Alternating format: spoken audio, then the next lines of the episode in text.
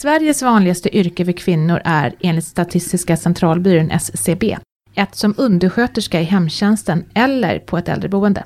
Flera andra jobb på den topplistan, som barnskötare eller vårdbiträde, finns också inom kommun och landsting. Idag ska vi prata om deras pensioner. Välkommen Anne-Maria Karlsgård. Du är ombudsman på fackförbundet Kommunal. Berätta, vem är du och vad jobbar du med? Ja, jag är då som sagt ombudsman på Kommunal och det jag gör där är att jag jobbar i huvudsak med socialförsäkring, kollektivavtalad försäkring, omställningsersättningar och pensioner. Både den allmänna och de kollektivavtalade försäkringarna.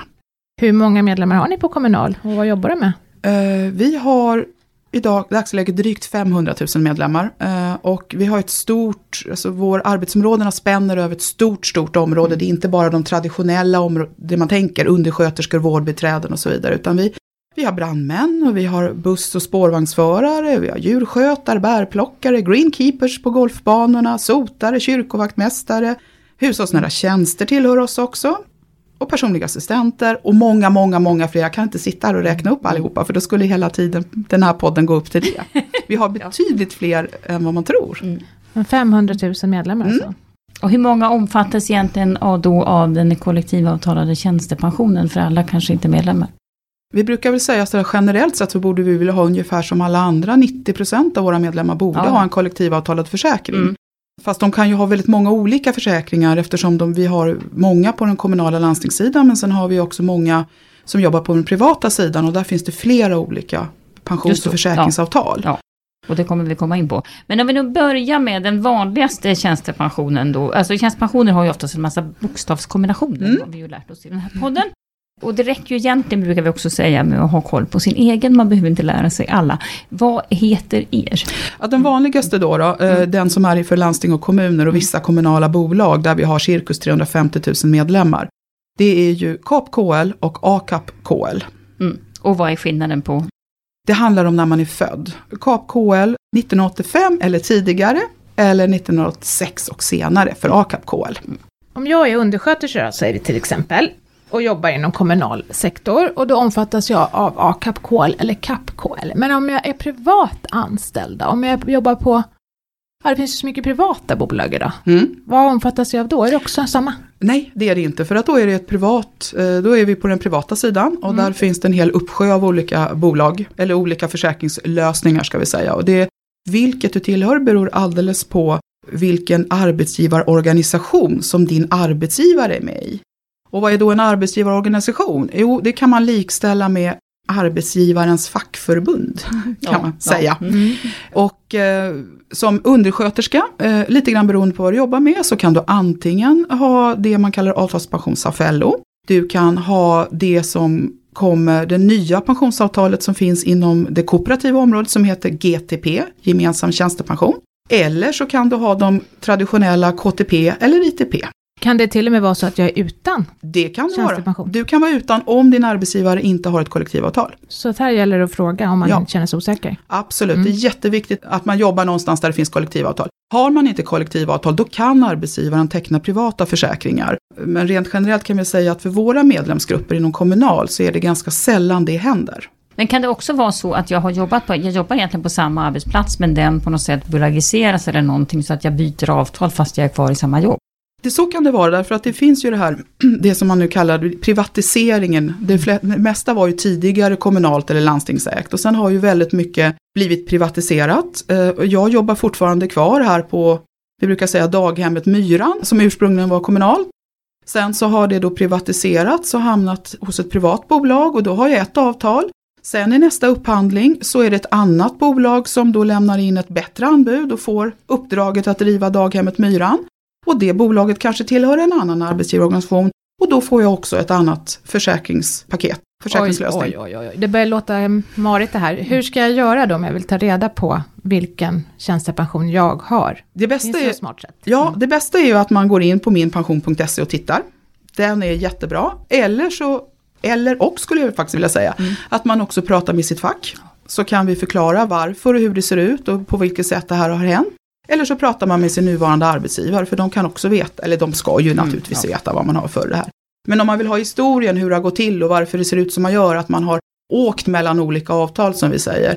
då är det bättre att man pratar med sitt fackförbund för då kan vi förklara att ja, men först jobbade du kommunalt och sen så jobbade du i det här företaget som tillhörde det här arbetsgivarorganisationen, då hade du det här avtalet. Men sen bytte daghemmet Myran ny, igen ny ägare och då fick du det här avtalet. Men jag kan fortfarande tillhöra ert fackförbund? Jajamensan, det kan man. Det spelar ingen roll. Vi spänner över både den kommunala sfären och den privata sfären. Det är väl egentligen bara inom staten vi inte finns. Den är spännande. Ja, okej. Okay. Men är det också så att man får hem brev och sånt? Alltså har, har de här bolagen skyldighet att skicka hem brev kring tjänstepensionsinformation och sånt?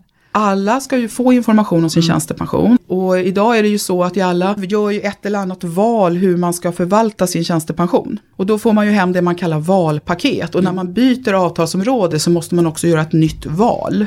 Och där får man ju en chans att fånga upp att ja, det har hänt någonting. Man förstå. Ja. Precis. Så att eh, öppna gärna kuvert som handlar om pension. Eh, inte gärna, utan absolut krav. Öppna kuvert.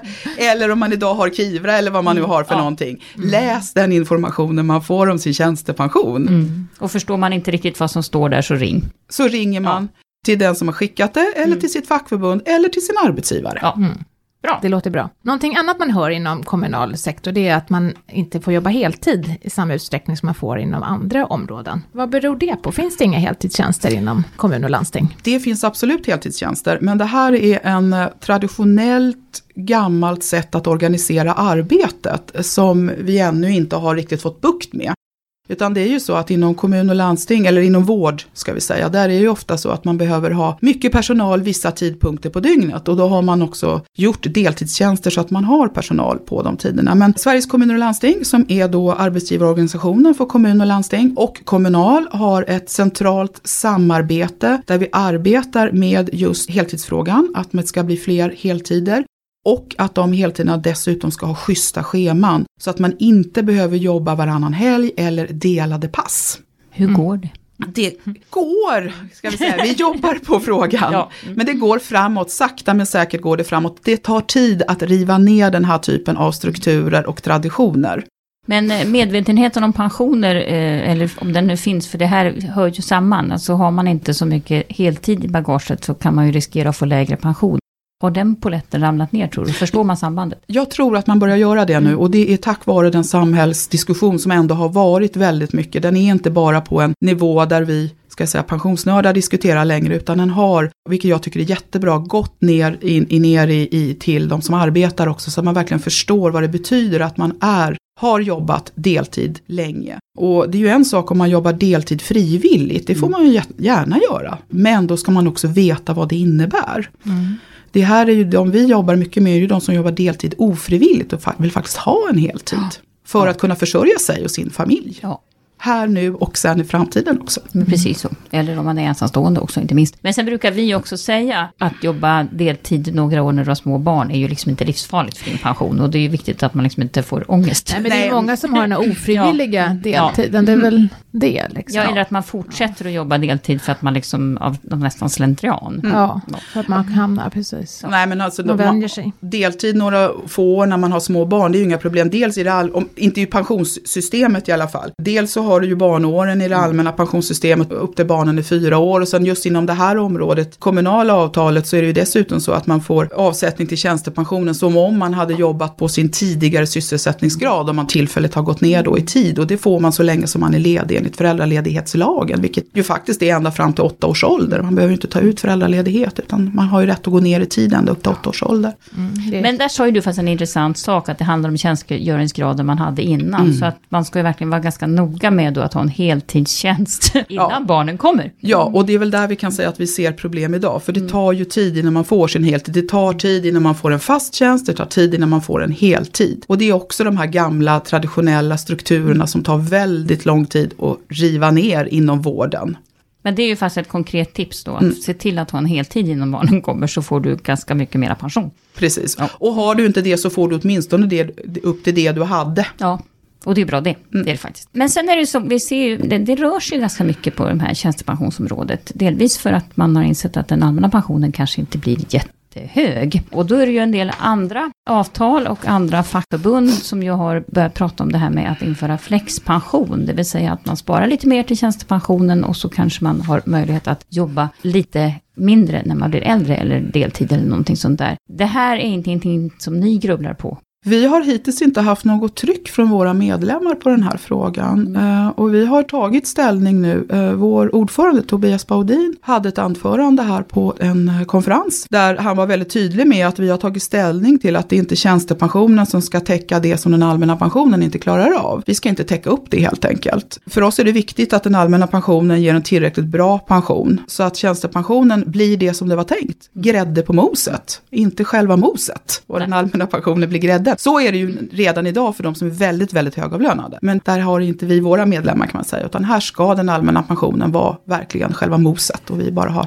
överdelen. LO har ju gått ut och sagt att man tycker att eh, blir inte den allmänna pensionen bättre så måste parterna ta tag ja, i det här. Då blir det mera flexpension eller mera Då blir det mera den typen ja. av mm. pensioner. Ja. Uh, och uh, det är ju lite spännande med flexpensioner så, därför att om man säger inom LO så finns det ett stort pensionsavtal som heter avtalspensionsavfällo. Och de här flexpensionerna ligger inte inom Nej. det avtalet, uh, utan det, de här flexpensionerna ligger i på samma ställe där man förhandlar löner, allmänna villkor, semestrar och annat. Så att det här är en ren löneförmån egentligen nu, de här flexpensionerna. Och, eh, de sägs ju upp med jämna mellanrum de här avtalen. Vartannat, var tredje år beroende på hur länge man har förhandlat. Ja, du menar så, det kan ryka snart.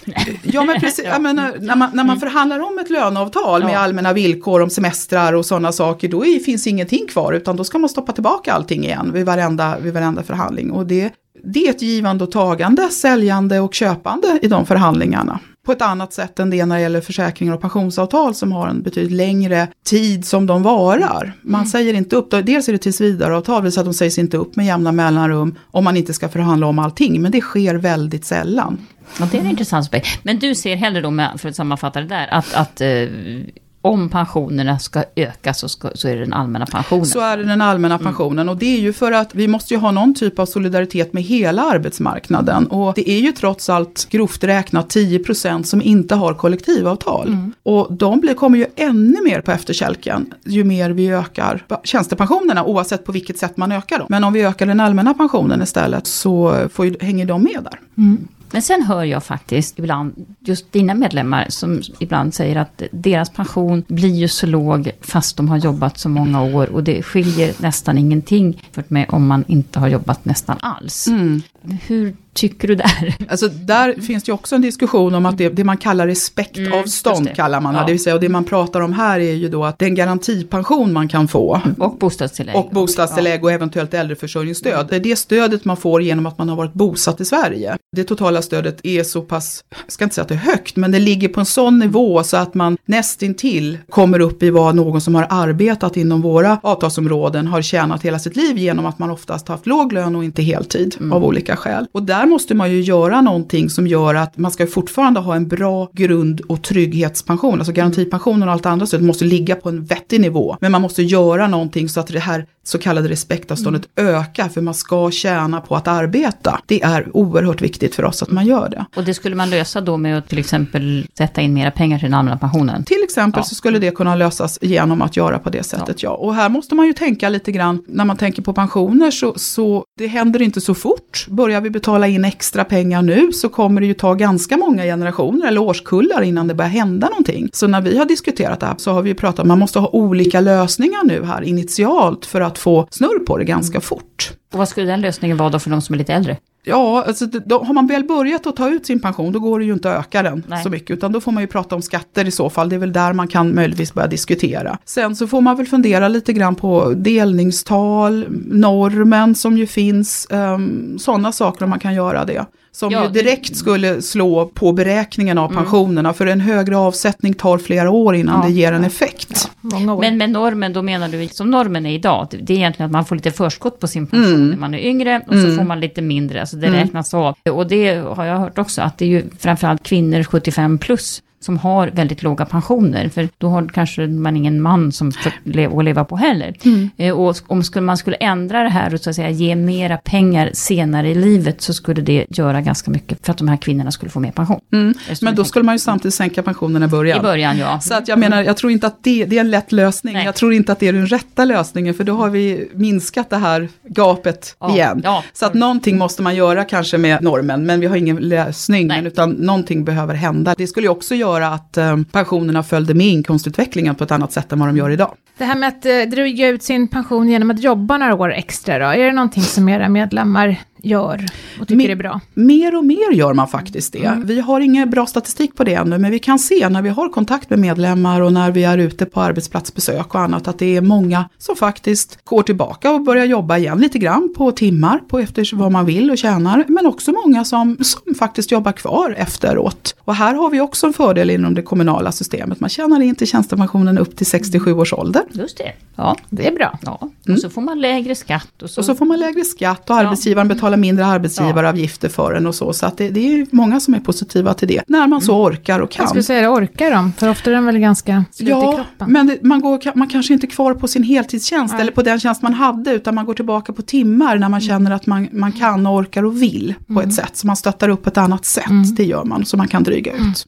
annat sätt att dryga ut eller förbättra pensionen då för de som, för, kanske för era grupper, det är ju att man har ju ändå börjat tala om det här. Dels att föra över premiepension och sen kanske också att dela tjänstepension mellan makar, sambor. Hur tänker ni där? Så det är ingenting vi riktigt har diskuterat vad det gäller just dela tjänstepensionen. Men spontant tänker jag så här att tjänstepension det är egentligen ingen sparform. Det är en sak när man, man om man hade ett privat sparande eller det här är någonting jag har jobbat och tjänat in. Och det, vi säger ju att det är en del av lön, lönen och, och då skulle det ju öppna kanske för, nu jag en väldigt lång parallell, men man ska också dela på lönen. Så att, eh, nej, nej, Nej. så här, spontant känns det som att nej, fast jag behöver fundera lite på Ja. det. Men spontant, nej. Ja, Det blir ju svårt för singlarna. Det är lite svårt för singlarna är det liksom någonstans. Och vad, vad är det man ska dela på liksom varje år eller Nej, Men- jag måste fundera lite. Det är Men ju jag, inte så kul att bli- vara beroende av en man, för det är väl ofta så det blir då, att kvinnor blir beroende. ja, men det blir det. Och då är Ja. man också tillbaka lite in. grann någonstans i det här, den här um, Sambeskattning. sambeskattningen. Ja. Precis, det blir lite grann av den också. Sampensionering. Ja, sampensionering och man någonstans blir beroende på ett annat sätt. Och jag känner spontant, mina pengar är mina pengar. Och det jag brukar alltid säga till, och i och för sig har jag bara en son, men skulle jag ändå haft en dotter och jag säger samma sak till honom, att du ska alltid ha lite dra åt helvete pengar.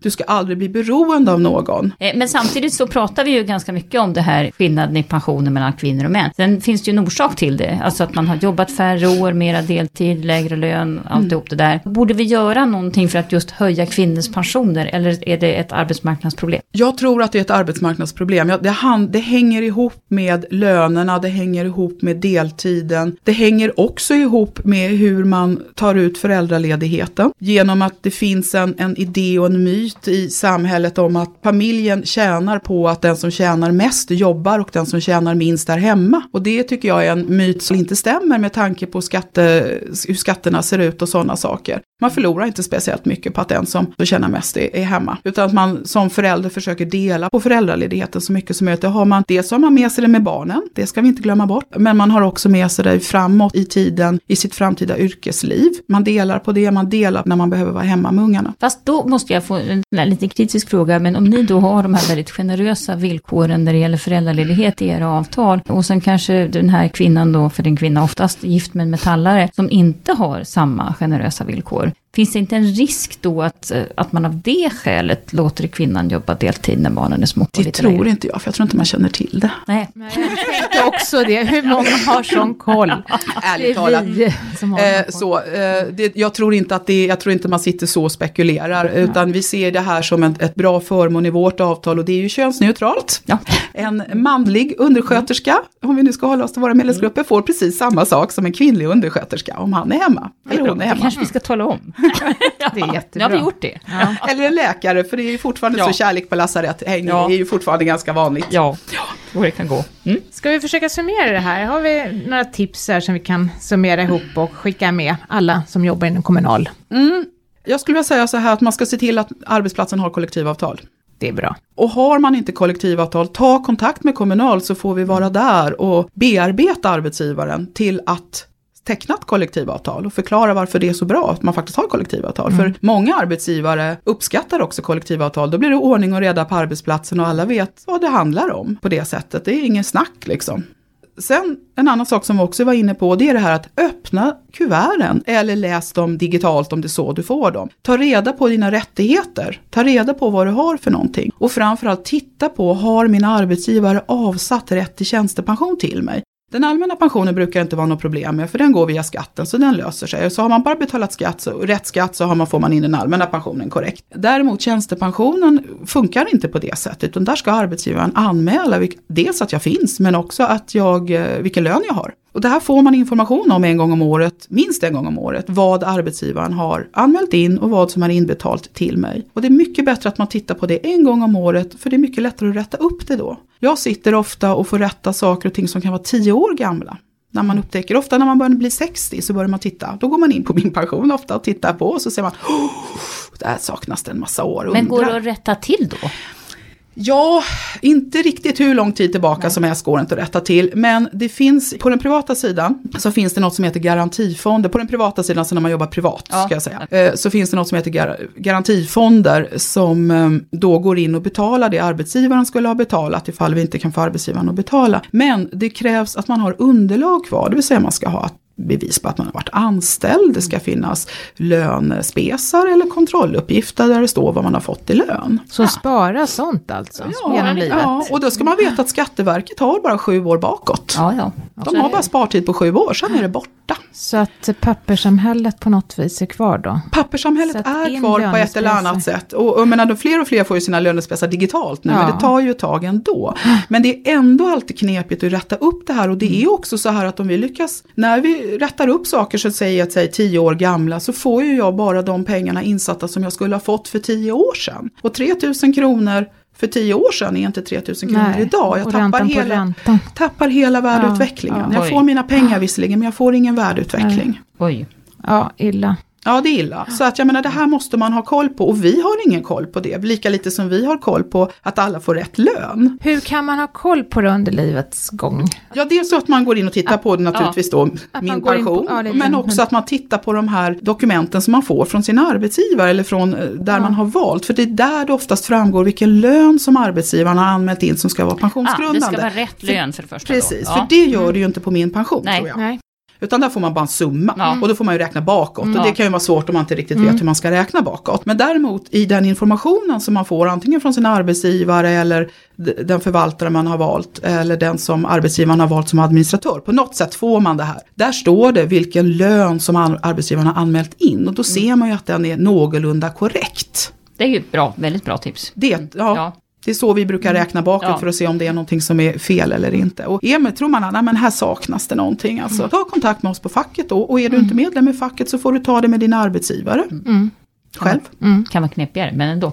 Det kan vara lite knepigare, ja. Och jag menar, även som privatperson kan man naturligtvis begära att få ut pengar från de här garantifonderna. Mm. Men då vet man ju inte om att de kanske finns, man vet inte hur man ska göra, man vet inte vem man ska anmäla till. Men, men kommunal sektor då, funkar det där? Alltså om jag jobbar inom kommunal, det kan, kan, det inte bli fel där också? Det kan självklart bli fel inom kommunal mm. sektor också. Men um, där, där går arbetsgivaren in och betalar när det har blivit fel. Okej, okay. även retroaktivt? Typ även retroaktivt gör man det. Mm. Och uh, än så länge har vi ju inte haft någon kommun eller landsting som har gått i konkurs. Nej. De har inte upphört heller.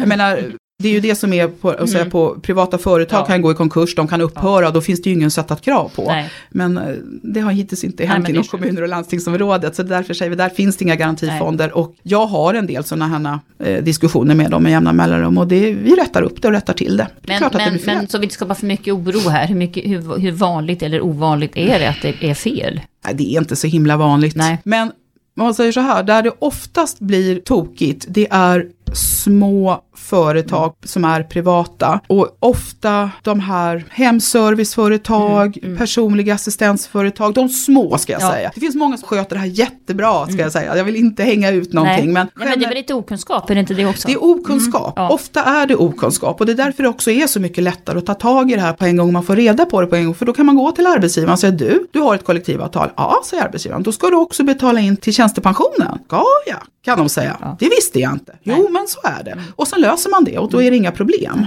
Eh, har du några tips? tips ja. Jag eh, går in på minpension.se. Min pension, det säger vi. Och framförallt så tycker jag också att ta reda på vad din tjänstepension heter. Ta reda på vad din mm. tjänstepension heter och ta reda på vilka villkor som gäller ja. runt den här. Så att du känner till, till exempel det här om föräldraledigheten då. Det kan finnas annat. Vad händer om jag blir sjuk? Hur blir, får jag min ersättning då? Behöver jag göra någon ansökan till exempel? Vilket man ju kan behöva göra på vissa avtalsområden, inte alla avtalsområden. Så det går inte att säga någonting generellt. Vad händer om jag behöver sluta tidigare och arbeta om jag får en sjukersättning? Vad händer då? Hur gör jag när jag ska ta ut min pension? Vilka val har jag att göra? Ja, och det är det som är så bra. Har man då lärt sig sin bokstavskombination som jag säger, om det är CAP KL eller ACAP KL, då är det ju ganska enkelt att googla. Absolut. För att då får man ju villkoren för bara den pensionen. Precis. Eh, och då fattar man ju. Men sen också väldigt viktigt, när du byter jobb, ta reda på vad som händer. Det enklaste är att det är samma avtal som Ja. tidigare. Och oftast är det ju det. Men man bör ändå göra den kollen. Absolut. Och, och här har vi, om man själv byter jobb, då tror jag att man har den. Ja. Då vet man om det. Men det här har vi lite grann som vi tog det här exemplet med att jag jobbar kvar på samma ställe. Ja. Men jag får en ny hela tiden och det kanske jag inte har kontroll på. Men oftast kan jag säga att då märker man det genom att man kanske får fler eller färre semesterdagar. Ja, ja. OBn går upp eller ner eller någonting sånt. Då kan man märka att det har hänt någonting. Ah, ett nytt avtal. Mm, kanske ny försäkring. För det är det man oftast märker det på. Att det händer någonting med de här andra förmånerna man har i jobbet som är något nytt. Sen skulle jag också som sista råd säga, att tänk verkligen igenom. Jag hör ju många som vill gå tidigt i pension. Och det, jag förstår det. Det kan finnas alla möjliga skäl. Man kan vara sjuk eller man har anhöriga. Gör nästan vad du kan för att hänga kvar i jobbet så länge det går. Försök prata med arbetsgivaren eller försök, alltså man ska ju inte, man ska inte så att säga börja ta ut sin egen pension för att man egentligen borde få en sjukpenning. Utan här är det ju väldigt viktigt att försöka hänga kvar för att du tappar så oerhört mycket i din pension om du, går, om du slutar tidigare. Det är mitt slutråd tror jag. Mm. Ja, jag kan bara säga jag håller helt med där också. Jag förstår att det är svårt i vissa lägen, till exempel om man inte får sjukpenning längre och då har man, om man då är 61 år, att man har möjlighet att ta pension. Men det blir tufft. Det kommer bli tufft resten av livet. Ja, för då börjar man ju nalla sina egna pengar och det är väl bättre om någon annan kan stå för pengarna så länge det går. Exakt, men jag har full förståelse för att man är tvingad att göra det, för man måste ha mat på bordet. Mm.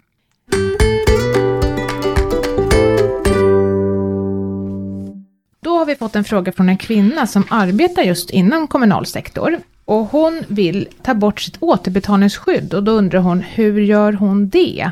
Mm. Och då kan det ju vem som helst få svara Ja, här. jag kan, kan börja med att reda ut varför vill man göra det här då? Och då är det så att återbetalningsskydd är ju en slags försäkring i tjänstepensionen som gör att om du dör så ärver dina anhöriga pengarna helt enkelt. Och ju äldre du blir desto mer pengar är det ju, men samtidigt så är det så att ju äldre du blir så går du miste om arvsvinster som det heter på sådana här fint försäkringsspråk. Det vill säga de andra som dör som är jämngamla med dig i ditt avtal. Då går du miste om, då skulle du så att säga ärvt deras pengar. Men det får du inte göra om du ger bort dina egna. Och då kan det helt enkelt vara så att det kan vara bra för din pension att välja bort ett återbetalningsskydd. Det kan ge mera pengar till dig. Så kan man väl sammanfatta. Är det här en bra idé och i så fall hur gör man? Det här med återbetalningsskydd är ju en stor diskussion. Inom den kommunala sektorn har vi ju återbetalningsskydd per automatik. Vi är den enda sektorn som har det. Eh, Vi har en pågående diskussion om vi ska fortsätta ha det eller inte. Vi har gjort så här att eh, vid eh, 60 års ålder så kommer det ett brev till alla som har återbetalningsskydd där vi uppmanar dem att tänka över om man ska ha det eller inte. För det är någonstans där vid 60 års ålder som det verkligen börjar kosta pengar. Man går, börjar verkligen gå miste om de här arvsvinsterna som du pratade om. Dels för att det finns mycket pengar men också för att Ja, nu pratar vi pension och då blir det lite, lite, lite morbid ibland. Dödstalen ökar kraftigt från 60 och uppåt kan man säga. Så att kanske man, inte lika många är beroende av mina pengar om jag dör heller. precis. Men det här med återbetalningsskydd är ju det är en knepig fråga Ja. rent generellt. Därför att när du behöver skydda som mest, oftast när du har små barn, då Mm. har du också som minst i påsen. Mm. Så vi generellt sett, vi ska återgå till svaret sen så småningom. Generellt så brukar vi säga så här att fundera på det här med återbetalningsskydd. Är det någonting du ska ha? Är det bra för dig? Finns det något annat sätt? Och då ska man också tänka på att inom kommunal sektor så finns det per automatik ett familjeskydd i försäkringen inom pensionen som inte kostar dig någonting extra. På den privata sidan måste du ofta betala för att få ett sånt här skydd men inom de kommunala pensionsavtalen så kostar det ingenting. Och då kan man fundera på, behöver jag ha det här återbetalningsskyddet eller inte? Och kommer man fram till att man inte ska ha det här, då tar man kontakt med den administratör som ens arbetsgivare har avtal med och det är antingen KPA eller Skandia. Och då frågar jag det hos arbetsgivaren. Då frågar jag hos arbetsgivaren, vart vänder jag mig? Är det KPA eller Skandia? Om jag inte vet var jag får mina pensionspapper ifrån förstås, Ja. för då vet jag ju det. Ja. Men har jag inte koll så tar jag en koll med arbetsgivaren helt enkelt. Och så tar jag kontakt och så fyller jag bara i ett papper och säger, nu vill inte jag ha det här längre. Kan jag då fråga också hur mycket det är värt? För det är väl också en intressant fråga. Vad ger det mer för mig i pension? Så det är ju det som är så svårt att veta vad det gör eftersom det finns ingen fast prislapp Nej. på det här utan det handlar ju helt enkelt om hur många i min årskull har avlidit och vad hade de i penningpåsen? Vad har jag gått miste om? Ja, men kan Skandia eller, eller KPA veta det på ett ungefär? Så att man kan få ett belopp, eller får man chansa lite? Man får nog chansa lite grann. Man brukar väl säga så här, det har gjorts en del utredningar och beräkningar på det här och det brukar väl sägas att om man har haft återbetalningsskydd hela sitt arbetsliv, det vill säga ända upp till 65-67 någonstans, så har man gått miste om cirkus 10-15% av sin lön. Förlåt, framtida pension. Av sin tjänstepension. Det vill säga om man får 4 000 så har man gått miste om 500 spänn. Ja, ungefär. Mm. Det, det, är väl ungefär ja. det. De är ganska samstämmiga de här ja. undersökningarna som har gjorts. Så att de ligger på 10-15 procent. Men det är ju värt en del pengar då. Det är värt väldigt mycket ja. pengar. Men som sagt var, det börjar inte kosta förrän någonstans runt Nej. 60 kan Nej. vi säga. Och lugna alla som har återbetalningsskydd mm. idag. Och sen kan man väl också säga det att det kanske är bra att kolla också om man nu lever ihop med någon så kan man ju kolla om vederbörande har återbetalningsskuld mm. på dig också. Mm. För det kan ju också vara bra att veta. Ja, det är jättebra. Jag brukar säga så här, jag brukar ha en sån liten, när jag håller på och informerar om pensioner som jag gör ganska mycket, så brukar jag säga att när man ändå har den här tråkiga deklarationstimen där på, på vårkanten, numera så gör man, gör man ju inte riktigt på samma sätt längre som man gjorde förr i världen, nu mm. säger man bara okej okay på datorn. Men någonstans tittar man ju ändå igenom i alla fall alla sina handlingar och dokument. Ta och titta lite grann på det här också, det här med hur ser min pension ut, både den allmänna pensionen och tjänstepensionen. Och titta lite grann på det här med skydd för efterlevande. Om jag dör, vad händer då för dig och våra eventuella barn om jag har en familj? Och tvärtom. Så man ser till att man inte varken är underförsäkrad eller överförsäkrad. Just det. Då har man haft en jättetråkig dag och så avslutar man med en god söndagsmiddag eller någonting sånt där. Tack för att du har lyssnat på min pensionspodden där vi idag har pratat om pension inom kommunal sektor. Avsnittets gäst är Anne-Maria Karlsgård som är ombudsman på fackförbundet Kommunal. Och deltog i podden gjorde också Kristina Kamp och så jag själv Maria Eklund från Min Pension. Vi blir glada om du gillar och delar Min Pensionspodden i sociala medier. Om du har frågor som du vill att vi tar upp här i våran podd så mejlar du dem till podd.minpension.se. Ta hand om dig och din pension så hörs vi snart igen. Ha det bra. Hej! Hej! Hej.